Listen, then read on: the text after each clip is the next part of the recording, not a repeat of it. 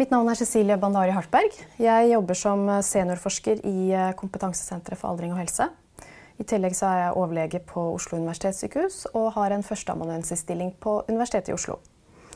Jeg har blitt invitert til å snakke om et tema som jeg har vært opptatt av over tid, eh, og som jeg tror mange alderspsykiatere er opptatt av. Og det er somatisk helse hos eh, eldre med psykisk lidelse. Uh, Tittelen som står opprinnelig, det var 'Somatisk helse hos eldre med psykisk lidelse'. Men så har jeg, som dere ser på den første sliden, endret det litt. Jeg har endret det til å gjelde de eldre med alvorlig psykisk lidelse. Og årsaken til det, det kommer jeg til senere. Uh, Studier som jeg nå kommer til å vise dere, det er stort sett hentet fra nordiske land. og Det er fordi jeg tenker at de er mest aktuelle for oss å sammenligne oss med. Eh, for vel ti, ja, omtrent ti år siden så kom det en, eh, en ganske banebrytende studie fra, fra uh, Danmark som viste at uh, syk, nei, somatisk sykdom hos de med alvorlig psykisk lidelse uh, forekom i mye større grad enn hos de som er friske. Det man fant ut, var at selv om levekårene for de som er psykisk friske, har bedret seg, og dermed også levealder har bedret seg for de psykisk friske, så har ikke det samme skjedd for de som er psykisk syke. Dette ble publisert i British Journal of Psychiatry, og eh, i lederen i samme eh, tidsskrift, samme nummer, så ble dette kalt en skandale. Eh, fordi man mente at man ikke har da ivaretatt rettighetene til de som har psykisk lidelse, på samme måte som man har gjort med psykisk friske. Noen få år senere ble det publisert i det eh, tidsskriftet for Den norske legeforeningen en artikkel som heter 'Psykisk syke lever kortere'. Og det de gjør her er at de oppsummerer en del av eh, litteraturen og eh, forskningen som er gjort på dette feltet, bl.a. den registerstudien som jeg viste til aller først. Eh, og hvor de også eh, kommer med forslag til ulike tiltak man kan gjøre for å bedre situasjonen med, eh, for de med psykisk sykdom. Dette å ha somatiske symptomer er jo kjempevanlig hos de som er eldre. Eh, og ved depresjon og angst, hvis vi i denne sammenhengen kaller dette lettere psykiske lidelser, så er jo utfordringen at somatiske symptomer ofte er en del av symptombildet ved den psykiske sykdommen. Dette kjenner vi godt igjen. Ofte så kan man ha eh, større grad av smerter. Eh, det kan både være at man opplever Altså at man faktisk som en del av eh, symptomene. ikke sant? Dette med hjertebank, brystsmerter, eh, kortpustethet og alt dette. Oppleve smerter, men også at man har en opplevelse av større grad av smerter. Både hodepine, smerter i ben og armer, overalt egentlig, ved psykisk sykdom. Uten at man egentlig finner en medisinsk årsak. Også dette med hjerte-karsymptomer, som jo er en del av symptomene ved f.eks. angstlidelse. Så er det en annen utfordring ved, sånn jeg fra klinikken kjenner til det, eh, men også forskningsmessig, så vet vi at ved alvorlig psykisk lidelse så er det ofte litt andre typer utfordringer ved, ved det å ha at pasienten har somatiske symptomer. Og utfordringen der er at pasienten ofte kanskje ikke i samme grad har kontakt med de symptomene de har. De har ikke helt innsikt i hva det er. De kan feiltolke somatiske symptomer. De kan f.eks ta det inn i eller innlemme det i deres opplevelse av den psykiske sykdommen. F.eks. at hvis man, har en altså hvis man har magesmerter, så kan man tolke det som at magen er endret på en nærmest litt sånn bisarr måte. Eh, eller det kan bare være at man underkjenner eh, opplevelsen. Bortforklarer det, eh, ønsker ikke å utrede det. Og da har jeg personlig erfart, og mange med meg tror jeg, at helsepersonell har en veldig viktig rolle i psykiatrien men også i andre deler av helsevesenet. Eh, vi har en viktig rolle som veileder for pasienten når de bringer disse symptomene til bords og prøver å sortere i det og forstå om dette er noe nytilkommet eller noe som, som trenger å undersøkes videre. Og Særlig da hvis man kjenner pasientene ganske godt, f.eks. som fastlege, eller som en, hvis man har vært psykiater eller, eller fulgt en pasient over lengre tid, så er det spesielt viktig at man med den kjennskapen man har til pasienten, at man uh, fortolker symptomene i samarbeid med pasienten. Når det gjelder forekomsten av uh, somatisk sykdom ved alvorlig psykisk lidelse, så vet vi at så mange som tre av fire med uh, alvorlig psykisk lidelse har somatisk sykdom. Det som er funnet av altså de mest vanlige somatiske lidelsene ved alvorlig psykisk sykdom, det er hjerte-karlidelse, kreft, og da særlig lungekreft, men også andre kreftlidelser. Uh, kols, um, som jo selvfølgelig da er røykerelatert i veldig stor grad. Diabetes, uh, infeksjoner, både bakterielle som pneumoni, men også influensa. Og rusmiddelavhengighet. Det er ulike måter å, å, undersøke dette med overhyppighet av somatisk sykdom ved alvorlig psykisk lidelse. Her er det referert fra en svensk registerstudie hvor de har sett på hjerte-karsykdom hos kvinner.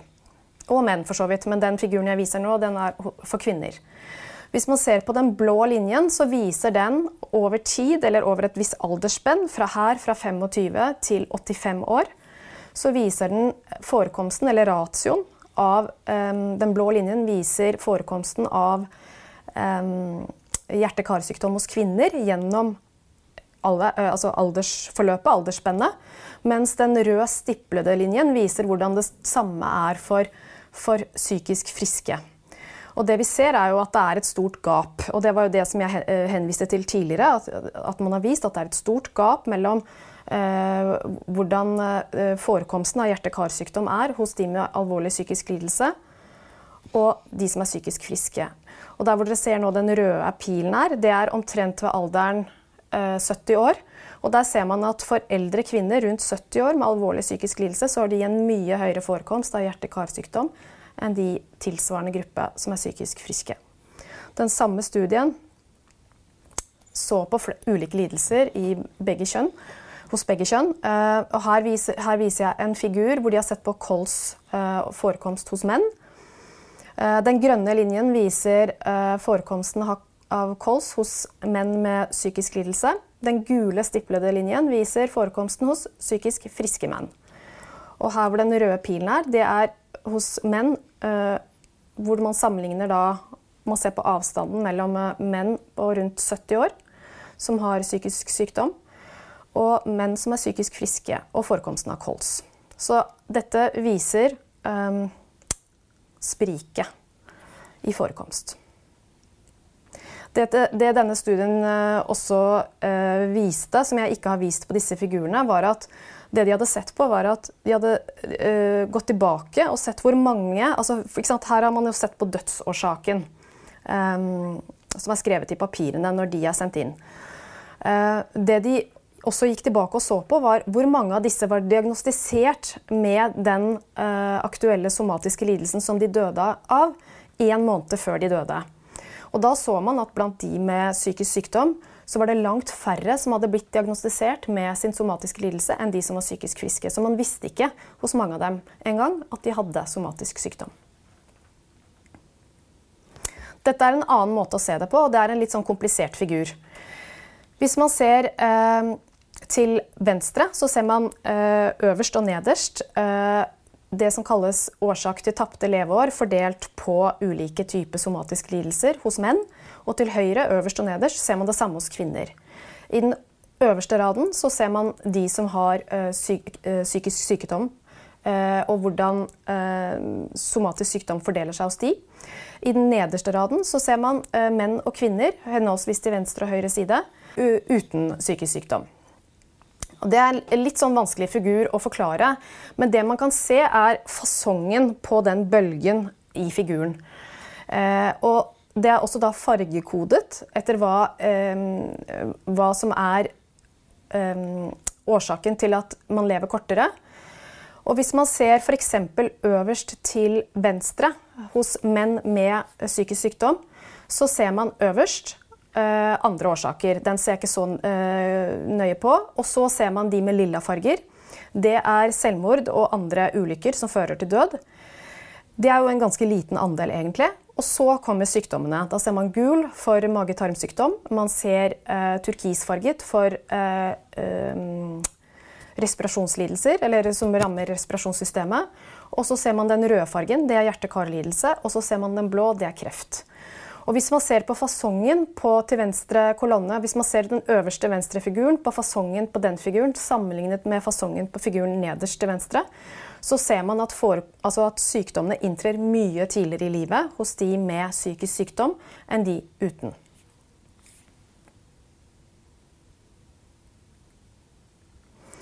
Årsakene til at det er sånn, er selvfølgelig sammensatt. Eh, vi vet at det er en ulik forekomst, og så har man prøvd å, å finne ut av årsakene. Eh, noe av grunnen er at det er rett og slett eh, slik at de med alvorlig psykisk lidelse også har økt risiko for kronisk somatisk sykdom og kreft. I tillegg har man undersøkt og funnet ut at det er forskjell i hvor stor tilgang man har til somatisk helsetjeneste mellom de som har psykisk sykdom og de som ikke har det. Og så er det dette punktet med psykofarmaka, at vi behandler med ø, medisiner som vi vet har et sett med bivirkninger som kan påvirke helsen. Og så er det selvfølgelig dette med selvmordsrater og utilsiktet, altså ulykker og voldelig død. Det kommer jeg ikke til å snakke så mye om, fordi dette skal jo handle om somatisk sykdom. Og det er dessuten sånn at ø, det er en større andel som dør av medisinske årsaker enn som dør av ulykker og selvmord. Hvis vi ser nærmere på risikofaktorene, da er det sånn at hovedårsaken til hjerte-karsykdom hos denne pasientgruppen er metabolsk syndrom. Det uh, skyldes veldig ofte livsstil. Um, men det kan også skyldes biologiske mekanismer, og det skal jeg si litt mer om senere. Men det er rett og slett sånn at man har funnet ut at Ehm, det er overlappende risikofaktorer, altså genetiske risikofaktorer for alvorlig psykisk lidelse og hjerte-karlidelse. Det er også overlappende genetiske risikofaktorer for diabetes og alvorlig psykisk lidelse osv. Og så vet man også noe om at immunsystemet er involvert i begge typer lidelser. Ehm, men så er det det som og det er kanskje ikke så lett å gjøre noe med, de biologiske mekanismene, men det vi kan gjøre noe med, det er livsstilsfaktorene. Det er sånne ting som kosthold, røyking, alkohol, eh, fysisk aktivitet. Og det er det som jeg kommer til å snakke mer om videre. Det vi vet, er at mange av de som har alvorlig psykisk lidelse, både unge og eldre, er i lite fysisk aktivitet. Det er sikkert mange grunner til det. Eh, de har ofte et dårligere kosthold. Eh, det er en økt forekomst av røyking. Og de bruker også mer alkohol som gruppe. Når det gjelder dette med tilgang til somatisk helsetjeneste, så er det sånn at man har funnet ut også både, altså Veldig mange studier er gjort i USA, og der er helsetjenesten organisert på en annen måte. Men også den svenske studien som jeg viste dere tidligere, um, med kols og, hjerte-karsykdom, viser også som jeg sa, at færre ble diagnostisert, og færre visste at de hadde somatisk sykdom rett før de døde. Det er også sånn at man har funnet ut at hos de med somatisk sykdom, og som har en psykisk lidelse, så er det færre som blir behandlet, rett og slett. Og det gjelder både medikamenter. Det er færre som får medikamenter for den somatiske sykdommen de har. Men det er også færre som blir f.eks. operert, hjerteoperert. Og en veldig stor uh, metaanalyse fant ut at risikoen for underbehandling av somatisk sykdom var 10-12% høyere hos personer med alvorlig psykisk lidelse. Og Det er sikkert også mange grunner til det. Det kan jo være f.eks. holdninger hos helsepersonell. Man har kanskje en mer sånn tanke om at, uh, at uh, sykdom er å forvente. Eller det kan være også f.eks. dette med at man tenker at man skal behandle man skal bli stabil i sin alvorlige psykiske lidelse før man er i stand til å ta imot behandling for sin somatiske lidelse. Det kan være mange årsaker til det. Dette er faktisk en norsk studie.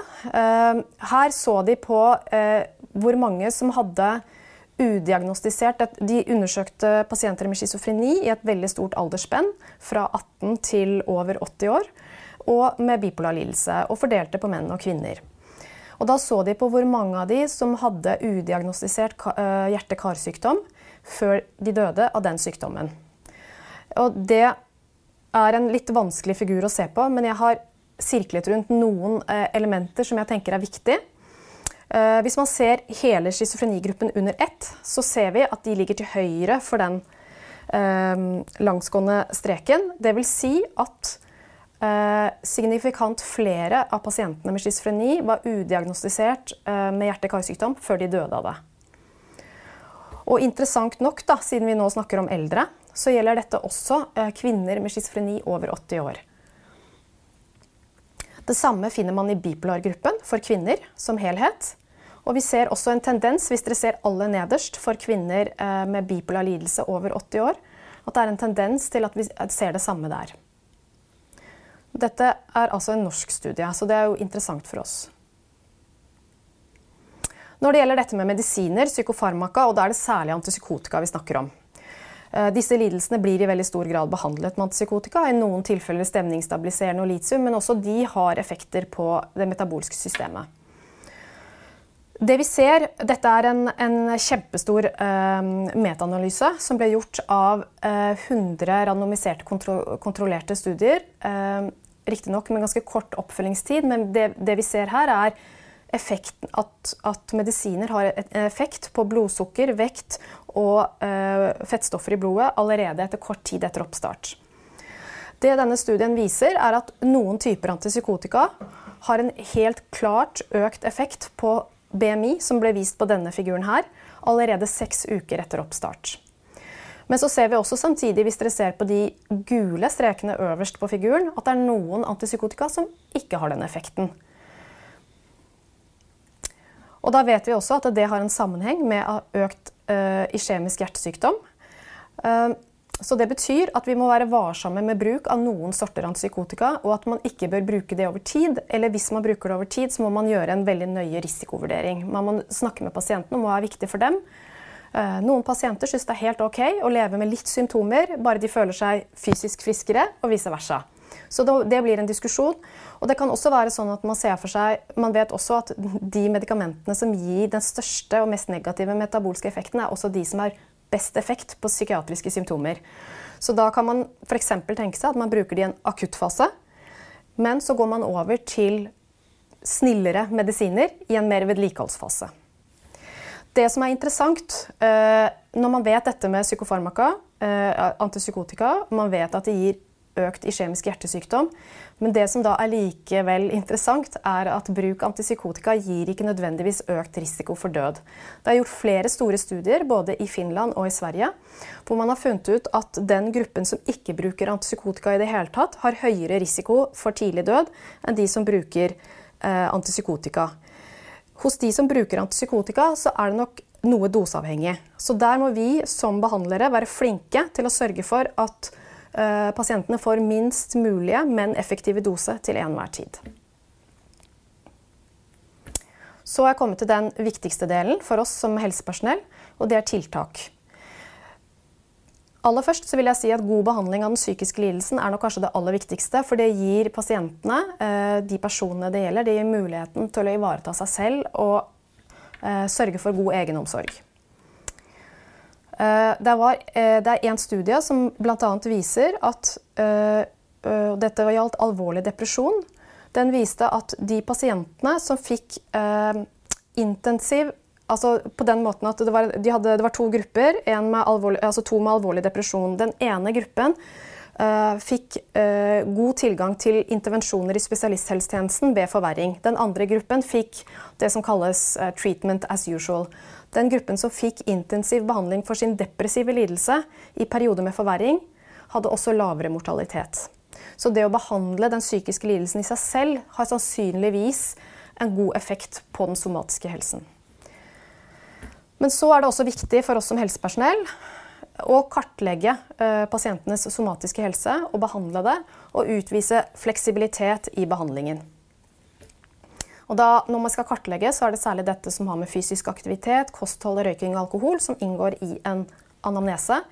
I tillegg så bør man legge inn eh, måling. Det er veldig enkle målinger og veldig raskt gjort. Og det bør gjøres eh, hos alle som er i kontakt med helsetjenesten, enten det er hos sin fastlege eller om det er i spesialisthelsetjenesten. Blodtrykk, også dette med vekt og særlig dette med livvidde, dette med å måle midjemålet, har vist seg å være en veldig eh, god markør for den somatiske eh, helsen. Og blodprøver. Vanlig screening. I Norge har det vært startet en, en, eh, si kampanje, en forskningsstudie som, heter, som har blitt kalt Hjertefrisk. Og da har man gjort akkurat disse tingene, hvor man systematisk har gått gjennom hvis dere ser i den blå raden øverst, så har man gått gjennom røyking, fysisk aktivitet, kosthold, overvekt, blodtrykk, glukoseregulering og blodlipider. Og videre så har man laget da, i den røde raden så har man laget cutoff. F.eks. Hvis, hvis man ser på røyking, og så ser man på cutoffen under, så står det hvis pasienten røyker én sigarett daglig eller mer, så skal man gå videre med tiltak. Når det gjelder f.eks. blodtrykk, så er det standard retningslinjer. Hvis man har over 140 i systolisk blodtrykk eller over 90 i diastolisk, så kan man gå videre. Så man har laget et algoritme. Og dette har vi innført i en alderspsykiatrisk avdeling i Oslo, hvor vi gjennomførte dette i en et, ettårsperiode. Og det var uh, først og fremst uh, Resultatene fra den studien er ikke Vi har både uh, gjort det ved såkalt baseline og en ettårsoppfølging, men vi har ikke resultatene klare, så det er vi veldig spent på. Men det var først og fremst veldig lærerikt å gå gjennom dette. og en øyeåpner i forhold til hvor lite fokus vi har på røyking og ikke minst kosthold i denne pasientgruppen. Og det er så enkelt som at Altså man skal følge disse retningslinjene som er satt opp. Og så er det jo sånn at De retningslinjene er jo ikke egentlig laget for eldre, for de er laget for hele befolkningen av de med alvorlig psykisk lidelse. Så det vi gjorde den gangen vi innførte det, var sant, har du lite fysisk aktivitet, så du, er målsettingen at du skal forbedre eller opprettholde, sa vi, fysisk form. Eh, at hvis en eldre person på rundt 80 år klarer å opprettholde sin fysiske form, så mener vi at det er ganske bra. Eh, når det gjaldt kosthold, så hadde vi eh, noe som var veldig interessant. Vi hadde grupper hvor vi snakket om eh, ernæring. De fikk litt opplæring om ulike næringsstoffer. Og man kan også innføre felles måltider.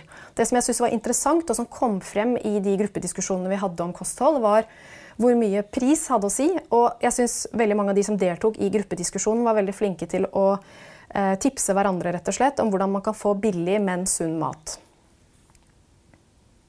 Og så vet jo vi som jobber med eldre at dette med å holde stabil vekt kan jo både handle om oppgang i vekt og nedgang i vekt. Så var det dette med røyking. Eh, min erfaring er at vi som helsepersonell vet ganske lite om og det gjelder meg selv også, vi vet lite om hvordan vi skal motivere og veilede til røykestopp. Der finnes det ganske mange eh, hjelpemidler ved Helsedirektoratet og andre eh, nettsteder hvor man kan lære seg om veiledning og motivasjon, og ikke minst så finnes det legemidler for, for dette i siste instans. Eh,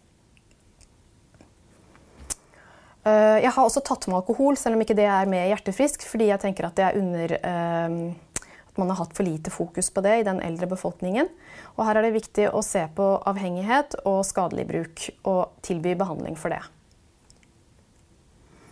Når det gjelder kardio, det som kalles kardiometabolske forstyrrelser, så skal man avdekke det og behandle etter retningslinjer. Og så tenker jeg det er viktig, fordi vi vet at i Norge så er det veldig mange av de eldre med psykisk sykdom som ikke nødvendigvis får sin behandling i spesialisthelsetjenesten. Eller de er veldig kortvarig innom der. Så her er det spesielt viktig å fokusere på samhandling. Det finnes i nesten alle norske kommuner uh, ulike tjenester, f.eks. frisklivssentraler, seniorsentre, hjemmetjeneste. Og man kan også samarbeide med bolig eller den institusjonen hvor de befinner seg, for å få til en bedring.